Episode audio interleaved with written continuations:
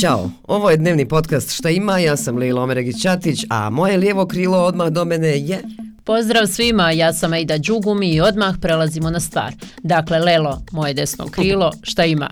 One, two, three, four. Vijeće ministara nastupa sa 41 tačkom dnevnog reda, naravno da su više tačaka institucije same sebi u fokusu. Pa tako, pored ostalog, o proračunu državnih institucija od 23. do 25. godine, pa prijedlog odluke o visini osnovice za obračun plate zaposlenim u institucijama, pa o visini regrese za godišnji odmor, pa o načinu i postupku ostvarivanja prava na troškove smještaja, naknadu za odvojeni život. Polako, polako, ima li šta za građane? Pa evo, možda da izdvojim drugi krug glasanja za odluku o usvajanju minimalnih standarda za kvalitetniju pomoć žrtvama trgovine ljudima, posebno djeci, i prijedlog odluke o smanjenju carinske stopa za uvoz novih električnih hibridnih automobila do kraja godine. Eto. Hajmo dalje. Predsjednik Republike Srpske Milorad Dodik razgovarat će danas u Banja Luci s ambasadorom Rusije u BiH Igorom Kalabuhovim. Na posljednjem, u nizu njihovih sastanaka, Dodik je u vezi sankcija Rusiji poručio da taj entitet čvrsto stoji pri svojim stavovima, pa onda da je u BiH prioritet mir i stabilnost, pa Dejtonski sporazum. Dobro, a i da bit će dovoljno, saznaćemo danas imali išta novo u odnosu na to, a sad spektakl. Četiri, četiri dakle četiri, Akademije nauka iz BiH po prvi put na zajedničkom nastupu. Wow. Ja, ja, u zemlji sa manje od 3,5 miliona stanovnika u kojoj se za nauku izdvaja stidljivo 0,19% BDP-a, dok je recimo u Evropskoj uniji prosjek 2,27%. I evo čime se mi dičimo. Predsjednik Hrvatske akademije nauka i umjetnosti Mladen Bevanda. Sa referatim, sa s referatima će biti a, akademici iz tri nacionalne akademije, dakle Akademija, akademija nauka i umjetnosti Republike Srpske, Bošnjačka akademija, Hrvatska akademija i akad, akademikinja iz Akademije nauka i umjetnosti Bosne i Hercegovine. Evo je naučni skup pod nazivom Odgoj i obrazovanje, kultura i znanost, most među ljudima i narodima, organizuje Hrvatska akademija za znanost i umjetnost Bosne i Hercegovine.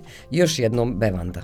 Mi, že, mi, mi želimo reći i pokazati da pri svi pridonosimo integraciji Bosne i Hercegovine kao što i znanost treba i obrazovanje i kultura treba da budu mostovi među ljudima, među narodima. Ma ima još vremena, polako. Naš styling to može izdržati. A da, da, iz serijala samoodrživosti ovog puta izdvajam agoniju koja nas je održala i njoj zihvala.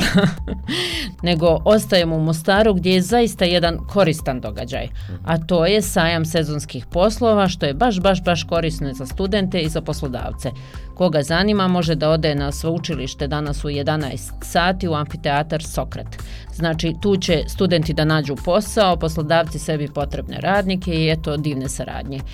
Ove je godine sajam proširan i na srednje škole, ali i za sve ostale zainteresovane mlade ljude. Bravo, super, fakat. A znaš šta je još zanimljivo, a dešava se u rijeci? Pa pretpostavlja more, sunce, kupanje. ne znam da li je kupanje, ovaj, možda i to dakle more sigurno, za ove sretne žene iz regije i svijeta koje su se okupile na ženskoj vikend konferenciji da bi osnažile, povezale i podsjetile sve žene da moraju da nađu vremena za sebe. E, među njima je i Brankica Raković, urednica u Lola magazinu o oslobođenju koja će danas govoriti o... Tema je naravno feminizam i ženska prava. Ja vjerujem da kada se skupimo u ovom broju na ovakvom mjestu sa ovakvim temama, nešto prosto dobro mora da se desi. Bila je to Brankica Raković, pa koga zanima može da prati na womensweekend.eu. E, Aida, a znaš li što je Aleksandar Graham Bell rekao u prvom telefonskom pozivu prije 147 godina? Mr. Watson, gospodine Watson, dođite, želim da vas vidim. I want to see you. Eto to je rekao Bell 1876. kada je pozvao svog asistenta Tomasa Watsona koji se nalazi u susjednoj prostoriji. Šta ti je život? A sad smo već na 5G mreži za koju znamo da ne širi koronavirus. To smo se vladali. Ali još ne znamo gdje odu porukice s mobitela kad ih izbrišemo, znaš li?